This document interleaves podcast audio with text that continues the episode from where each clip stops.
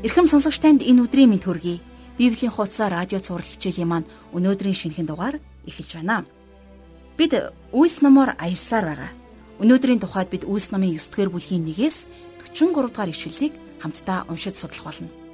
Тэгэхээр бид Үйлс номоор аялж анхны Христэд итгэгчдийн тэр гайхамшигтай сэтгэл хөдлөм түүхийг уншиж судалж мөн суралцсаар байгаа. Анхны сүмийн итгэгчдийн хамгийн дотны анд нь ариун сүнс байсан. Ариун сүнсээр итгэгчдийг удирдах, тэднэр дамжуулан олон газарт ажиллаа хийж, олон хүнийг бурхан дээр авчирсан нь энэ гайхамшигтай түүхийн гол зангилаа юм. Үүний нэг жишээ бол Этиопийн хатан хааны сан хүмүүргийг хариуцдаг тайган итгэсэн тухай түүх байсан. Харин одоо бас нэг хүний бурханд итгэсэн түүхийг бид өнөөдөр үзэж судлах болно. Сүм чуулган бий болсноор Христэд итгэдэггүй гим нүгэлдээ хөтлөгдөн яваа олон хүн Христэд бурханд итгэж түүнийг алдаршуулан амьдарч байна. Бурхан хүмүүс биднээр дамжуулан итгэлийн үр жимсээ хураан авч байгаа нь үнэхээр гайхамшигтай. Бидний ам хил, бидний үйл хэрэгээр дамжуулан Бурхан алдаршиж байгаад үнэхээр их баяртай байна. Тийм ээ, ариун сүнсний ажил өнөөдөрч бидний дунд үргэлжилсээр байгаа. Тэр өнөөдөр танаар дамжуулан ажиллахыг хүсэж байгаа. Харин та үүнд бэлэн байгаарай. Та түүнийг хамгийн дотны анд нөхрөө болгоорой. Ингээд хамтдаа хичээлдээ орхосоо мөн энэ цагийг бурхан даатгаж хамтдаа залбирцгаая. Бурхан аава би таньда талархлыг өргөе. Энэ цаг мөчид өөрийн үгээ бидэнд өгөх боломжийг гаргаж өгсөнд эзэн минь таньда талархаж байна. Таны үгийг зааж мөн таны үгийг тайлбарлан хэлэх жаргал агшин дээр таны удирдамж дүүрэн байх болтугай. Сонсох чих болгоны төлөө би залбирanгуйж байна. Эзэн минь ээ та бидний зүрх сэтгэлийн хөрсийг тэрл сайн хөрс лугаа адил бэлтэж өгөөрэй.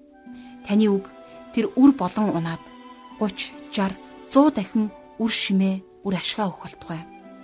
Есүс Христийн нэрээр залбирanгуйж байна. Амен. Харин одоо жаргал агшиг хичээлд анхаарлаа хандуулъя.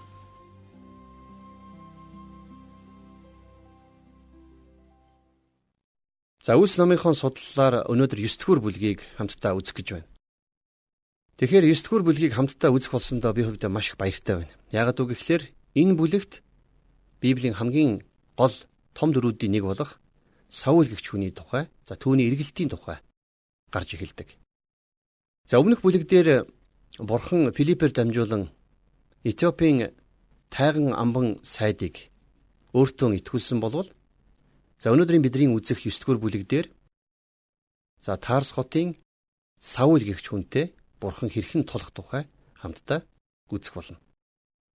За товчхондоо хэлэхэд Саул Дамаск хот руу илжгээ унан явж байсан. Харин бурхан тэрнийг газар унагадаг.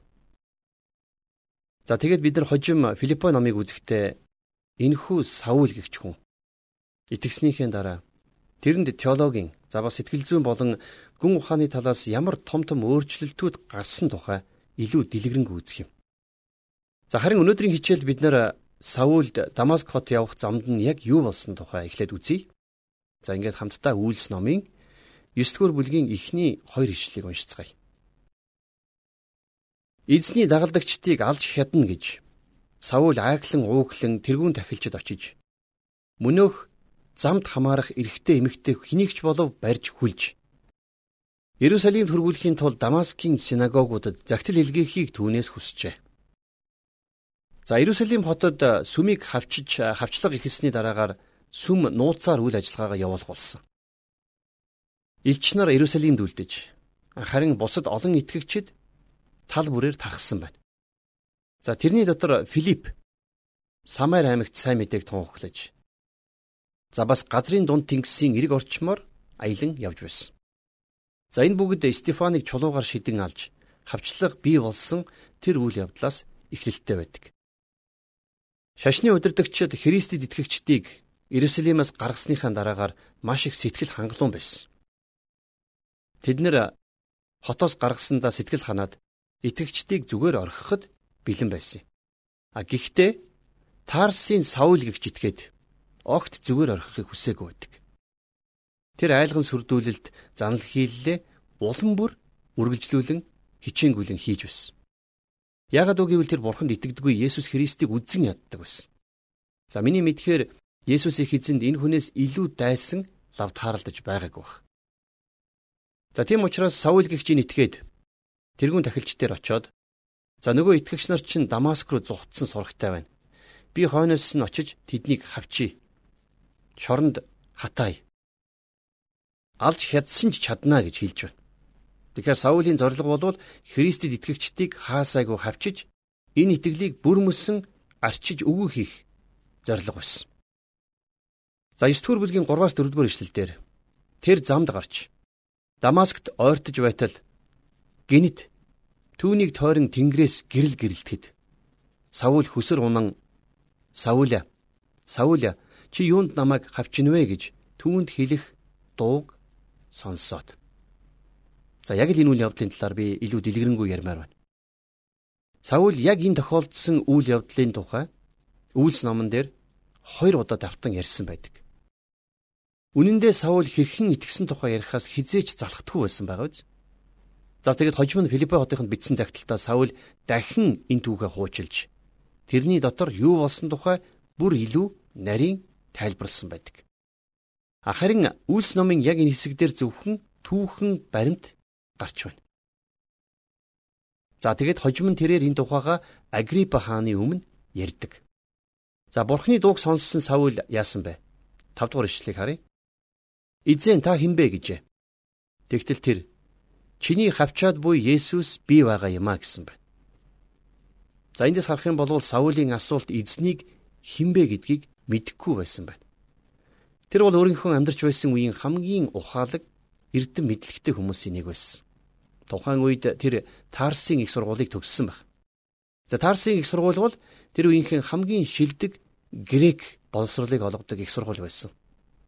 За түүгээр зогсохгүй тэрээр еврей багш за тухайн үедээ хамгийн нэр хүндтэй эрдэмтэн болох Гамалиелийн шавн байсан. Тэр еврей шашныг нэгд нэгэнгүй сайн судалж мэдсэн байсан. Аг тэгсэн хэрний харамсалтай нь Есүс их эзнийг мдээгүй байсан байна. Тэгэхээр Есүсийг мэднэ гэдэг бол жинхэнэ амь. За түүний асуусан асуултанд Есүс юу гэж хариулсныг 9 дугаар бүлгийн 6 дугаар эшлээс харцгаая бос хотод оч. Юу хийх ёстойг чинь чамд хэлэх болно гэв. Ихэрхүү бардам догшин зантай Саул энэ үеэр газарт унсан. Энэ бол үнэхээр гайхалтай үйл явдал, гайхалтай түүх. Тэр бурханд итгэсэн нь энэ дүрслэлээс нь шууд харагдаж байна. Есүсийг үзэн ядаж. Есүсийг бүр яснаасаа үзэн ядаж, түүний эсрэг чадах бүхнээ хийж байсан энэ хүн одоо эзэн гэж түүнийг дуудаж байна. Бүр тэгэд зогсохгүй эзэн та надаар юу хийлгэх вэ гэж асуусан. Тэр бүр мөсөн өөрчлөгдсөн байна. Альва хүнийг үр жимсээр нь таниараа гэж бид ярьдаг. Тэгвэл энэ хүний үр жимс шууд харагдаж эхэлж байна. 7 дугаар эшлэлдэр түүнтэй хамт явж байсан ирчүүд дуу сонссон боловч хэнийг ч хараагүй тул дуугүй зогсож байлаа. Харин дараа нь тэд нар ямар ч дуу сонсоогүй гэж мэдцгээдэг. Яагаад ингэсэн юм болоо? Яагаад үг гэвэл тэд дуу сонссон боловч юу ч ойлгоогүй. Бид нар зүгээр л юу болоод байгааг ойлгоогүй учраас дуугүй л гайхшран зогсцохож байсан. За тэгэхээр энэ тухай бид нар хожим Үлс номын 22 за 26 дугаар бүлгийг судлахдаа дахин үзэх болно. За 8-аас 9 дугаар ишлэгийг харъя. Саул газраас босов. Нүдэн нээлттэй хэрнээ тэр юу ч харахгүй байлаа. Тэд түүнийг гараас нь хөдөлсөөр Дамаскт авчрав. Ийхүү тэр 3 өдөр юу ч харсангүй, юу ч идсэнгүй, юу ч уусангүй. За Саул гихч энэ хүн Тэнгэрээс гарсан тэр хурц гэрлийг хараад тэр дороо сохорсон. За тэр бас гинт болсон ийм үзэгдлийг хараад үнэхээр гайхсан байна. Зарим хүмүүс дөнгөж итгээд баярлсандаа үсэрдэг, зарим нь хашгирдаг. А гэвч Тарсын Саул амьдралдаа хизээч үзэж байгаагүйгээр гайхшралд орсон. Хэрвээ яг тэр үед юу тохиолдсныг тэрнээс асуусан байсан бол тэр магадгүй өөрөө ч тайлбарлаж мэдэхгүй байх байсан. За үргэлжлүүлээд 10-аас 12 дугаар ишлэгийг хамтдаа уншицгаая. Дамаскт Анания гэгч нэгэн дагалдагч байлаа. Эзэн түүнд үзэгдлэр Анания гэж айлтгахад тэр Үзэгтэн би энд байна эзэн гэв. Эзэн түнд бос шулуун химээх годамжинд дах Юдагийн герт очиж Тарсын Саул гихчийг асуу. Үзэгтэн тэрээр яг одоо залбирч Анания гихч ир орж ирээд өөрийг нь дахин хараатай болгохын тулд гараа өөр дээр нь тавихыг үзэгдэлд харж байна гэвэ гэсэн байна. За маш их боловсралтай эрдэм ухаантай байсан Тарсын Саул гихч харанхуй дунд алмайрын сууж байна. Харин Бурхны сүнс Анания дээр ирж тэрнийг Тарсын Саул руу илгээж байна. За цааш нь 13-аас 16 дугаар эшлэлдэр Гэвч Анани хариуд нь Эзэн би түүний тухай Иерусалим дахь таны ариун хүмүүст тэр хичнээн их хор хөргснийг олноос сонссон. Тэгээд тэр энд нэрийгтэн дуудсан бүхнийг хүлэх эрх мэдлийг ахлах тахилч нараас авсан юм а гэв. Харин эзэн түүнд яв. Учир нь тэр бол харийнхан хаад болон Израилийн хөвгүүдийн өмнө нэрийг минь авч явахаар надад сонгогдсон сав бөгөөд Миний нэрийн төлөө хэрэг зовх учиртайг би түүнд үзүүлнэ гэжээ. За саяын ишлээс харах юм бол бурхан Саулийг дуудах болсон хоёр шалтгааныг харж болно. За тэр хоёр зүйлийн төлөө бурханы сав болон дуудагдсан. Нэгдүгüрт нь тэр Есүсийн нэрийг үүрэх ёстой байсан. Тэр дагалдагч нар шиг гэрч байхаар дуудагдаагүй болохыг та харж байна. За Саул Есүсийг цовдлогдохыг харсан байж болох ч гэсэн тэр Есүстэй хамт мөр зэрэгцсэн үйлчилж байгаагүй. Тэр Дамаскот руу явхаас нааш Есүсийн талаар юу ч мэддэггүй байсан. Харин одоо Есүсийн нэрийг үүрэх болж байна. За та бид нар ч гэсэн өнөөдөр Есүсийн нэрийг үүрэх ёстой хүмүүс. А гэхдээ тэр зөвхөн Есүсийн нэрийг үүрээд зогсохгүй. Есүсийн нэрийг гурван төрлийн хүмүүсийн өмнө үүрэх ёстой болсон. За эдгээр нь харь үндэстнүүд, хаад, За бас Израилийн хөвгүүдийн өмнө. За энд харь үндэстнүүдийг хамгийн түрүүнд дурдсан байгааз. За тийм ч учраас Саул харь үндэстнүүдэд агуу илж болж очисон. За энэний дараагаар тэр хаадын өмнө за бас Израилийн ард түмний өмнө очино. Саул ямарваа нэгэн хотод очихдоо үргэлж еврейн синагог сүмээс өөрийнхөө ажлыг эхлүүлдэг байсан. За синагог бол тэрний хот руу нэвтрэн орох үүд хаалга байсан. За тэгээд тэр энэ газраас дараагаар нь харь үндэстнүүд рүү сайн мэдээ түгээхээр явдаг. За хоёрдугаарт эзэн Саулд түүний нэрийн төлөө маш их зовно гэж хэлсэн. Тэр Есүс Христийн төлөө зовхоор сонгогдсон байсан. Өөрийнхөө үжил бодлоо илэрхийлэхэд Саулаас өөр хинч Христийн төлөө ийм их зовж байгаагүй баха. Өнөөдрийн та бидний амьдралд олон асуудал бэрхшээл зовлон байдаг ч гэсэн эзний нэрийн төлөө зовж байсан элч нарын шиг тийм их зовлон бидэнд өнөөдөр хараахан ирээгүй байна. За бид нар өмнөх хичээлүүд дээр хүнийг итгүүлэхийн тулд Бурхан хүнээр дамжуулан өөрийнхөө үгийг тунхаглуулж ариун сүнс Бурханы үгийг нээдгээ гэж ярьсан. За тэгвэл Тарсын Саулийн хувьд яг юу болсон бэ? Есүс эзэн Саулд бүр хувьчлан үзэгдсэн байна. Есүс дагалдагчдаа орхихоос өмнө тэднийг өнчин үлдээхгүй гэж хэлж байсныг та санаж байна уу? Тэгэд ариун сүнсээ илгээж ариун сүнс тэдэн дээр ирэх тухай Есүс амласан байсан.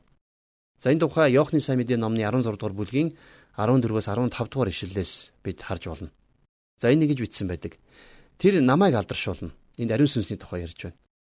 Яагад гэвэл тэр минийхийг авч түүнийгээ та нарт мэдүүлнэ. Эцэгт байгаа бүх юм минийх. Тиймээс тэр минийхийг авч түүнийгээ та нарт мэдүүлнэ гэж хэлсэн байдаг. Харин дахин амилсан Есүс Саулд үзэгдэх яг тэр үед ариун сүнс Саулийн махан биеийн нүдийг хаагаад харин сүнснийх нь нүдийг нээждээ гэж би хувьдаа бодож байна. Тэгэхээр ариун сүнс энд ажиллаа хийж байсан гэсэн үг байгааз. За бурхны үгийн хувьд гэх юм бол арай өөр асуулт тавигддаг. Учир нь Тарсын Саул фарисей хүн байсан. За энэ утгаараа тэрээр бурхны үгийг нэг нэгэнгүй мэддэг хүн байсан гэсэн үг. Үнэн дээр Бурхны үгэнд түн шиг нэвтэрсэн хүн маш ховор байсан тэр үед. Тэрний бичсэн шин гэрээний загтлуудыг унших юм бол тэр хуучин гэрээний талаар дэндүү сайн мэдлэгтэй байсан илт харагдаж байдаг. За тийм учраас ариун сүнс болон Бурхны үг Саулийн итгэх үед хоёулаа зэрэгцэн ажиллаж байсан гэсэн үг. За өмнөх үйл явдлуудад хин нэгнийг итгэхэд үргэлж гадны хүний оролцоо байсан бол Саулийг итгэхэд ямар ч гадны хүн оролцоогүй байдаг. А гэхдээ тэр үед түүний дэргэд хүн байгаагүй ч гэсэн Стефанаар дамжуулан Бурхан тэрнийг бэлдсэн байсан гэж би хувьдаа боддгийн.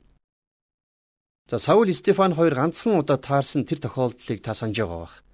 Юу вэ гэхлээр Стефаныг чулуудж байх үед Саул харж зогсож байсан тийм ээ. За Стефан тэнгэр үүд харахтаа Бурхны хүүг харсан болвол Саул юу ч хараагүй. За тэгээд Саул Стефаны царайг харахад тэнгэр илч шиг гэрэлтэж байсныг хараад ямарваа нэгэн онцгой юм түүнд байсныг ойлгосон. Тэр битүүхэндээ Бурхныг харах юмсан гэж дотроо бодож байсан байх. Хүн бүрийг Есүст итгүүлэхэд Бурхан хүнийг ашигладаг гэдэгт би итгэдэг. За тийм учраас бид нар хаанч хизээч Есүсийн төлөө бусдад ярьж нөлөөлж байх хэрэгтэй. За энэ тухай нэгэн үсчингийн түүхийг би энд хуваалцмаар байна. Түүн дээр 20 жилийн турш нэг үйлчлүүлэгч байнга ирдэг байсан. За нэгэн удаа тэр үйлчлүүлэгч гарахтаа үсчинд нэг радио нэвтрүүлгийг сонсоорой гэж загсан байна. Тэр нэвтрүүлэг сайн мэдээний нэвтрүүлэг байсан. Харин үргэлж ирдэг байсан тэр үйлчлүүлэгч энэ өдрөөс хойш удалгүй нас барсан байна. За энэ бол тэр хоёрын сүүлчийн уулзалт байсан.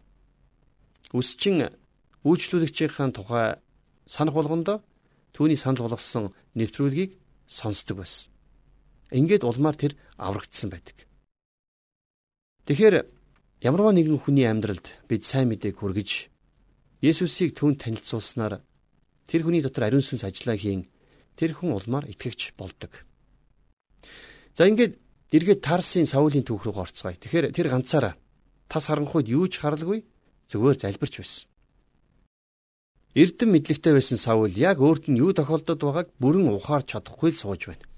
Яг энэ үед бурхан Анания гэгч хүнийг явуулсан. За 17 дугаар ишлэгийг харъя. Анания явж герт орж ирэн түүн дээр гар тавиад Саул дүү эрх замд чинь чамд үзэгдсэн эзэн Есүс чамайг хараатай болгож ариун сүнсээр дүүргэхийн тулд намайг илгээвэ гэлээ. Саул Тарсын Саул хിവэрэ байсан ч гэсэн одоо дайсан биш харин дүү Саул болсон байгаа биз? Есүс эзэнд хайртай ямар ч итгэгч бусад итгэгч нартайгаа ах дүүсийн харилцаатай болдгоо гэдгийг эндээс бид ойлгож авах боломжтой. За яг одоо шүү дээ. Саул буцаад хараа орох гэж байна. Тэр хараа ороо зогсохгүй бурханд үйлчлэх үйлчлэлийн төлөө ариун сүнс түүнийг дүүргэх гэж байна. Тэр Иесус эзнийг гэрчлэх болно. Тэрний нүд хараа орж бас сүнсний нүдэн ч гэсэн нэгдэхийг хамтдаа үргэлжлүүлэн уншицгаая. За 18 дугаар эшлэл дээр тэр даруй түүний нүднээс хайрс мэт зүйл унаж тэр дахин хараатай болон босож баптизм хүртэв. Саулийг итгэснийг нь баталгаажуулан усаар баптизм хүртээсэн байна. Тэгэхээр усан баптизм өөрөө хүнийг авардаггүй гэдгийг та бид нар сайн мэднэ. За тийм учраас Саул Дамаск хүрэх замд итгэх үед ариун сүнсний баптизм хүртэн аврагдсан. За харин дараа нь Анания түүн дээр гар тавихад тэрээр ариун сүнсээр дүүрсэн юм. Харин одоо усаар баптизм хүртэж байна. За цааш нь юу болсныг 19-с 20 дугаар ишлээс харцгаая. Тэр хооллож хүч оров. Саул Дамаскт байсан дагалдагчдын хамт хэд хоног тэндэ байлаа. Тэгээд төдөлгүй тэрээр синагогуудад тэр бол бурхны хүү мөн хэмээн Есүсийг тунхаглаж эхэлвэ. За энд байгаа нэгэн хачирхалтай зүйл юу вэ гэхээр Саул шууд л гэрчилж эхэлсэн. Яагаад гэвэл тэр ариун сүнсээр дүүрсэн байсан юм. Тэр синагогуудад Христ бол бурхны хүү мөн хэмээн тунхаглаж байна. Та Христэд итгэхээс өмнө Түүнийг хинбэ гэдгийг нь маш сайн ойлгох хэрэгтэй. Есүс та бидний гим нүглийн төлөөсийг төлөхийн тулд нас барсан. Есүс бол Бурхны хүү учраас бидний гим нүглийг өөртөө үүрэх чадал, эрх мэдэл нь түүнд байсан гэсэн үг. Та бидний хинэнч бие биенийхээ гим нүглийн төлөө нас барж чадахгүй гэдгээ сайн мэднэ. За нас барлаж гисэн хүнд бусдын гим нүглийг цагаатгах хүч хизээч байгаагүй. Харин Есүс Христ Бурхны хүү байсан учраас хүн төрлөختний гим нүглийн төлөө нас барж чадаж байна. Тиймээс Саул Христийг Бурхны хүү болохыг тунхаглаж эхэлсэн. Энэ бол та бидний өнөөдрийн мэдэж авах ёстой ихний чухал ойлголт байна. За, гэхдээ Саулийн энэ үйлдэлийг харсан, сонссон хүмүүс гайхацгааж байсан. За энэ тухай үргэлжлүүлээд Үйлс номын 9 дугаар бүлгийн 21-с 22 дугаар ишлэгийг харцгаая. Түүнийг сонссон бүхэн гайхшран эн чинь Иерусалимд энэ нэрийг дуудсан болгоныг устгаж бас тэднийг хүлж аглах тахилч нарт хүргэх зорилготой энд ирсэн биш билүү гэцгээж байлаа. Харин Саул улам хүчийг олж Есүс бол Христ мөн гэдгийг нотлон Дамаскт амьдрагч евдээчүүдийг сандаргах боллоо гэсэн байна. За Христийн нэрийг еврейгээр Месиа гэдэг байсан. За энэ болвол орчуулах юм бол аврагч гэсэн утгатай. За тиймээс Христийг гэрчилсэн Тарсын Саул энэ талаараа тэргүүлэгч болсон. Тэр Христийн төлөө зовлон зүдгүүр үдснээрээ тэргүүлэгч болсон. За бас илгээлтийн эзний хувьд тэр тэргүүлэгч байсан. За тэгэд ч бас тэр оюун ухаанаараа тэргүүлэгч хүн байсан гэж хэлж болно. Тэрнийг үгээр унгаах гэсэн оролдлогоодыг тэр маш чадварлагаар няцааж эргүүлж чаддаг байсан. А гэтэл Гинт ингэж өөрчлөгдсөн түүнийг харсан евдээчүүд түүнийг алхахаар хувилдаан зохиодог. За энэ тухай 23-аас 25 дугаар ишлэлдэр. Түүнээс хойш олон хоног өнгөрсний дараа евдээчүүд түүнийг алхахаар хувилдцгаав. Гэвч хувилдаан нь Саулд илт болжээ. Тэд түүнийг алахын тулд гулдан хаалгануудын дэргэд өдөр шөнөгүй отож байлаа. Гэвч дагалдагчид нь шөнөөр түүнийг сагсанд суулгаж хэрэм дагуулan буулгажээ. Еврейчүүд Саулд мэтгэлцээд мэтгэлцээд дийлэхгүй болохоор өөр аргаар дийлэх гэж оролдож байна. Энэ бол дайснаа устгах явдал байсан. За Саулийн хувьд алуулахгүй тулд том сагсанд суугаад хотын хэрмээр доош бууна гэдэг нилээд хачирхалтай үзэгдэл байсан. А гэвч тэр энэ тухайга ямар ч дуйлан шуугаан тарьж яриаг. Тэрийн тухайга дахиж хизээж Библиэд дурдж бичээгүй байдаг. Тэгэхээр Саул Христийг төлөөлөхөд цаг ямагт бэлэн байсан шиг бид нар ч гэсэн үргэлж бэлэн байх ёстой. За 26 дугаар эшлэл дээр энэ тухай хэлэхдээ Саул Иерусалимд ирж дагалдагчдтай холбоотой болохыг хичээв. Харин тэд түүнийг дагалдагч гэдэгт итгээгүй тул бүгд түүнээс имэж байлаа. Аргагүй л дээ Саул Христийг төлөөлөхөд үргэлж бэлэн байсан ч гэсэн тухайн үед дагалдагчид тэрэнд итгэхгүй байсан. Тэрнийг сэм тэдний дунд орж заллах гэж байна гэж бодсон баг. Ягд гэвэл тэр өмнө нь тэдэнд маш аимшигтай хавчлаг тулгаж байсан шүү дээ. Тэгээд э, тэд нар бас Самарт Симон гихч хуурамч итгэгч байсныг ч сонссон байна. 27 дугаар ишлэлдэр Харин Барнаб түүнийг элчнэр рүү дагуулan ирж замдаа тэр эзнийг хэрхэн харсан эзний түүнд айлдсан болон Дамаскт Есүсийн нэрээр хэрхэн зоригтой ярьсныг нь дүрслэн хэлжээ.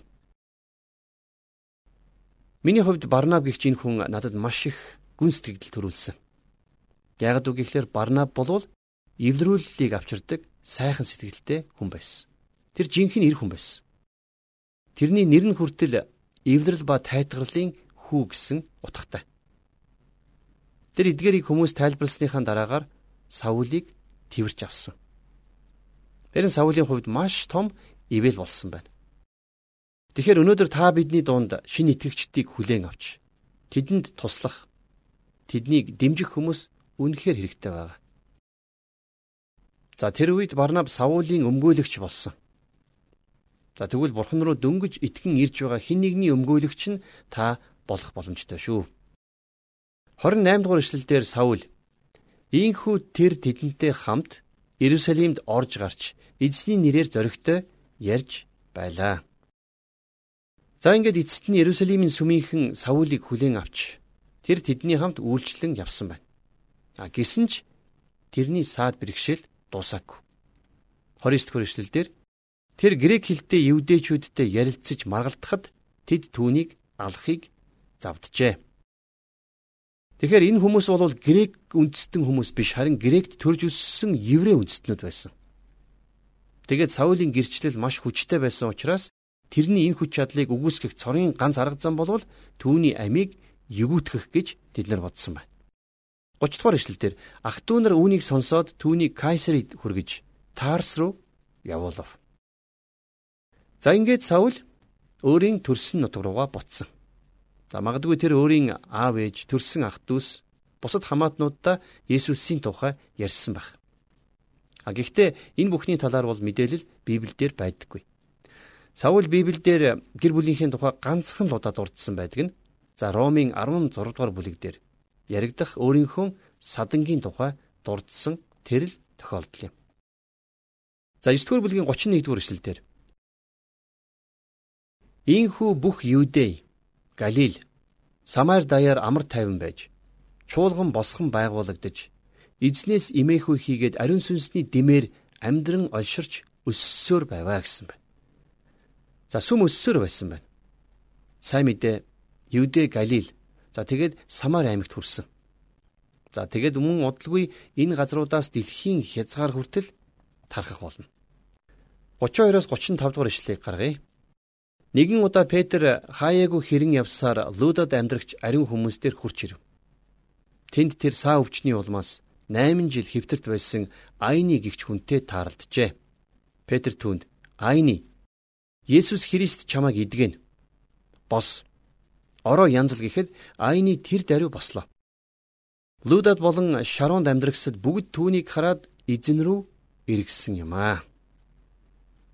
За тэгэхээр одоо үйл явдлын маань кадр солигдоод Паулийн тухай биш харин Петрийн тухай за түүний бурхныг гэрчлэх үйл хэргийн тухай тэмдэглэгдэн үлдсэн байна.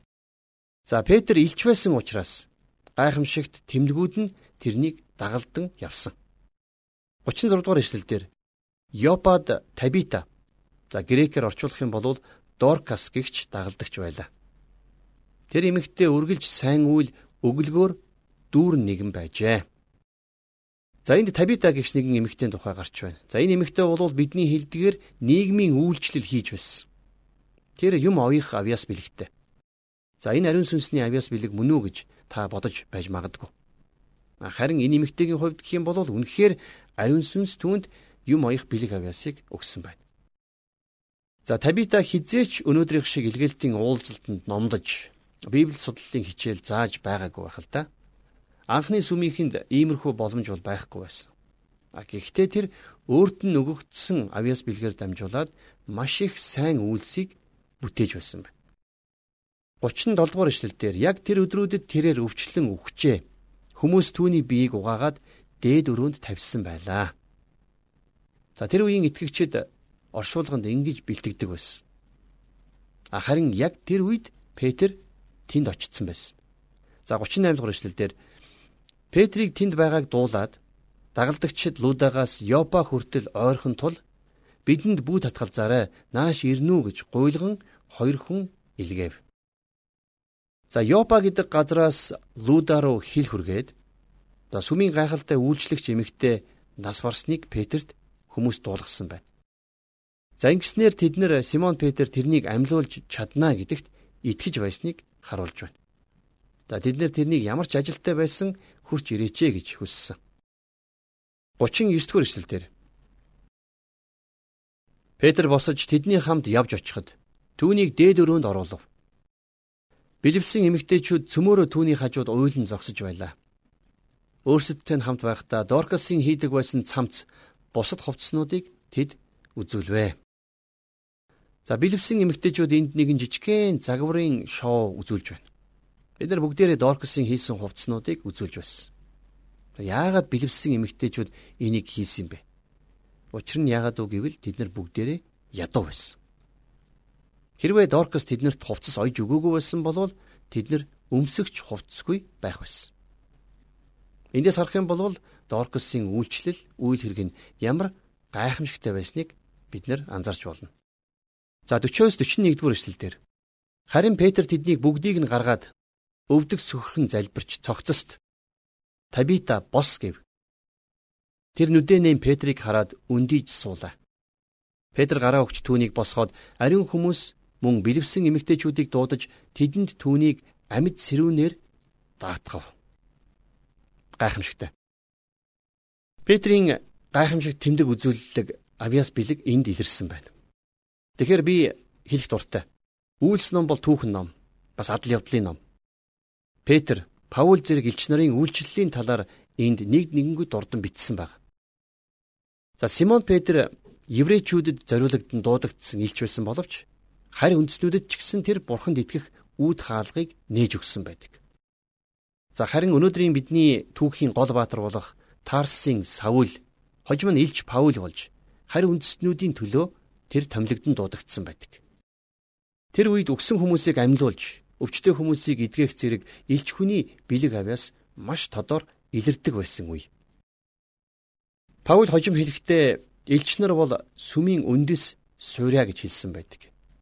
За тэгээд элч нарын ажил дээр сүм босгогдсон байгууллагт болно гэж тэрээр нэмж хэлсэн байна.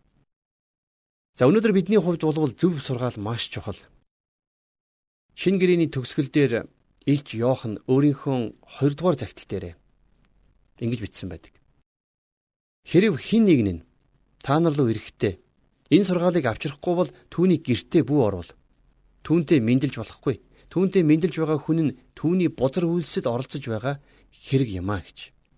Та нэлээд хатуу шаардлага тавьсан байна. Паул хүртэл өөрийн үйлчлэлийн төгсгөлд эдгэрлийн үйлчлэл хийхэ болсон байна.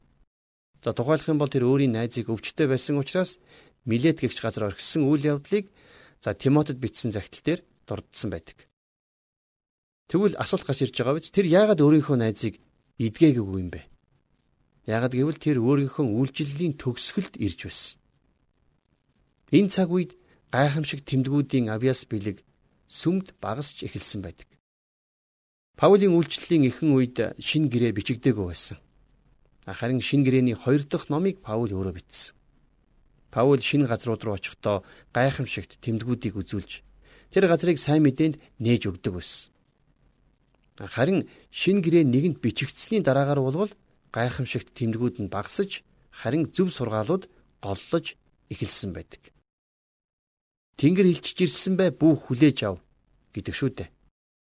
За энэ тухай Галат хотынд Паул хожим бичгтээ. За Галатын 1:8 дээр Харин бид Эсвэл Тэнгэрээс Тэнгэрлж хүртэл бидний тунхагласнаас өөр сайн мэдээг тунхаглавал тэр хараагддаг гэж анхааруулсан байна.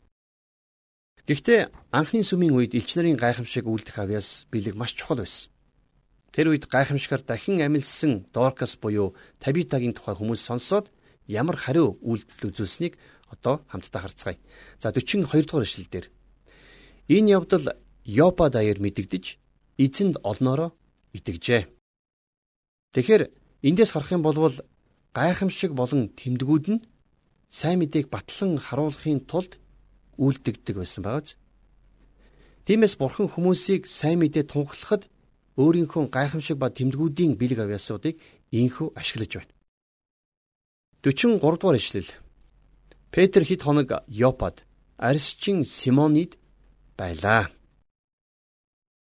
За Йопа хотод амьдардаг байсан арьсчин Симон За арьсчин хүмүүс арьсыг боловсруулахдаа хүчил хэргэлдэг байсан учраас нилээд эвгүй үнэр танартай газар байсан нь мэдээч.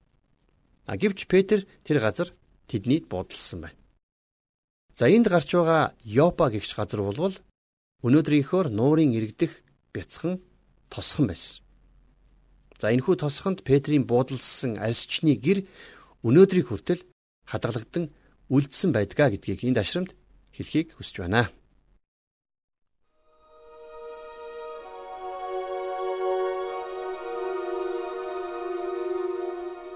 Тэгэхээр өнөөдрийн хичээлээр дамжуулан Бурхан бидэнд ариун сүнснийхээ хүч чадлыг гайхамшигтайгаар харууллаа.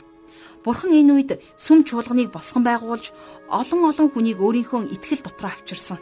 Учир нь бидний үзэж байгаа үйлс ном тэр чигтээ эзний сүм чуулганы тухай өгүүлсэн байдаг. Та бид шинэ гэрээг бүхэлд нь уншиж судалсны дараа та нар бие биенээ босгон байгуул, бие биенээ урамшуул, бие биенээ итгэл дотор байгуул гэсэн Бурхны үгийг илүү гүн гүнзгий ойлгох болно. Тиймээс өнөөдрийн хичээлийн гол баатар Тарсын Саул гэгч нэгэн бурхантай учирсан тэрл гайхалтай түүхийг хамтдаа үзэж судлаа. Тэр Есүсийг үзэн ядаж дагалдагчдыг нь алж устгахаар явж байхдаа энэ замаасаа бүр мөсөн эргэж Христийн хамгийн сайн дагалдагчдын нэг болсон нь үнэхээр гайхалтай. Магадгүй хизээч өөрчлөгдөхгүй байхаа гэж хүмүүсийн бодож байсан энэ хүн Христээр ирсэн шиг өнөөдөр бурхан хэнийг ч гэсэн өөр дээрээ авчирч чадна. Бид Саул шиг өдрөөс өдөрт сүнсээрээ хүчрхэгж хүчртэй. Үргэлжлүүлэн бурхны ариун сүнсээр түүнд үйлчилж байгаа Петр ч гэсэн тэр үед дөнгөжл эзэнд итгэж эхэлж байсан түүхийг бид үзсэн шүү дээ. Бурхан түүгээр дамжуулан зөвхөн еврейчүүд биш харин харь үндэстний төлөө түүнийг дуудсан юм. Бурханд боломжгүй зүйл гэж хизээж байдгүй юм шүү. Ингээд энэ хүрээд өнөөдрийн хичээл маань өндөрлөж байна. Харин та сурсан зүйлээ амьдралдаа заавал хэрэгжүүлээрэй. Яг одоо хичээлийн төлөө талархаад хамтдаа залбирцгаая. Эзэн бурхан минь танд боломжгүй зүйл гэж нэгээхэн ч байдаггүй. Бүх зүйл таны хувьд боломжтой, бүтэмжтэй байдгийн төлөө бид танд талархлыг өргөж байна. Бид аврагдаагүй гэр бүлийн гишүүд, найз нөхөд, элэг нэгт монголчуудынхаа төлөө бид тэдгээр хүмүүсээ танд даатгаж тэдний авралын төлөө танаас зуучлан залбирч байна. Эзэн минь биднийг хоосон худал яригчд биш. Зөвхөн таны үгээр, таны үйлсээр бусдад нөлөөлөгчд болгож өгөөрэй. Бидний ярьдаг хэлийг бидний үйл хөдлөлттэй маань адил байлгаж өгөөрэй. Бид ирээдүйн үйлчлэлээ, үйл хэрэгээ танд өргөж Есүс Христийн нэрээр залбирanгуйж байна. Амен.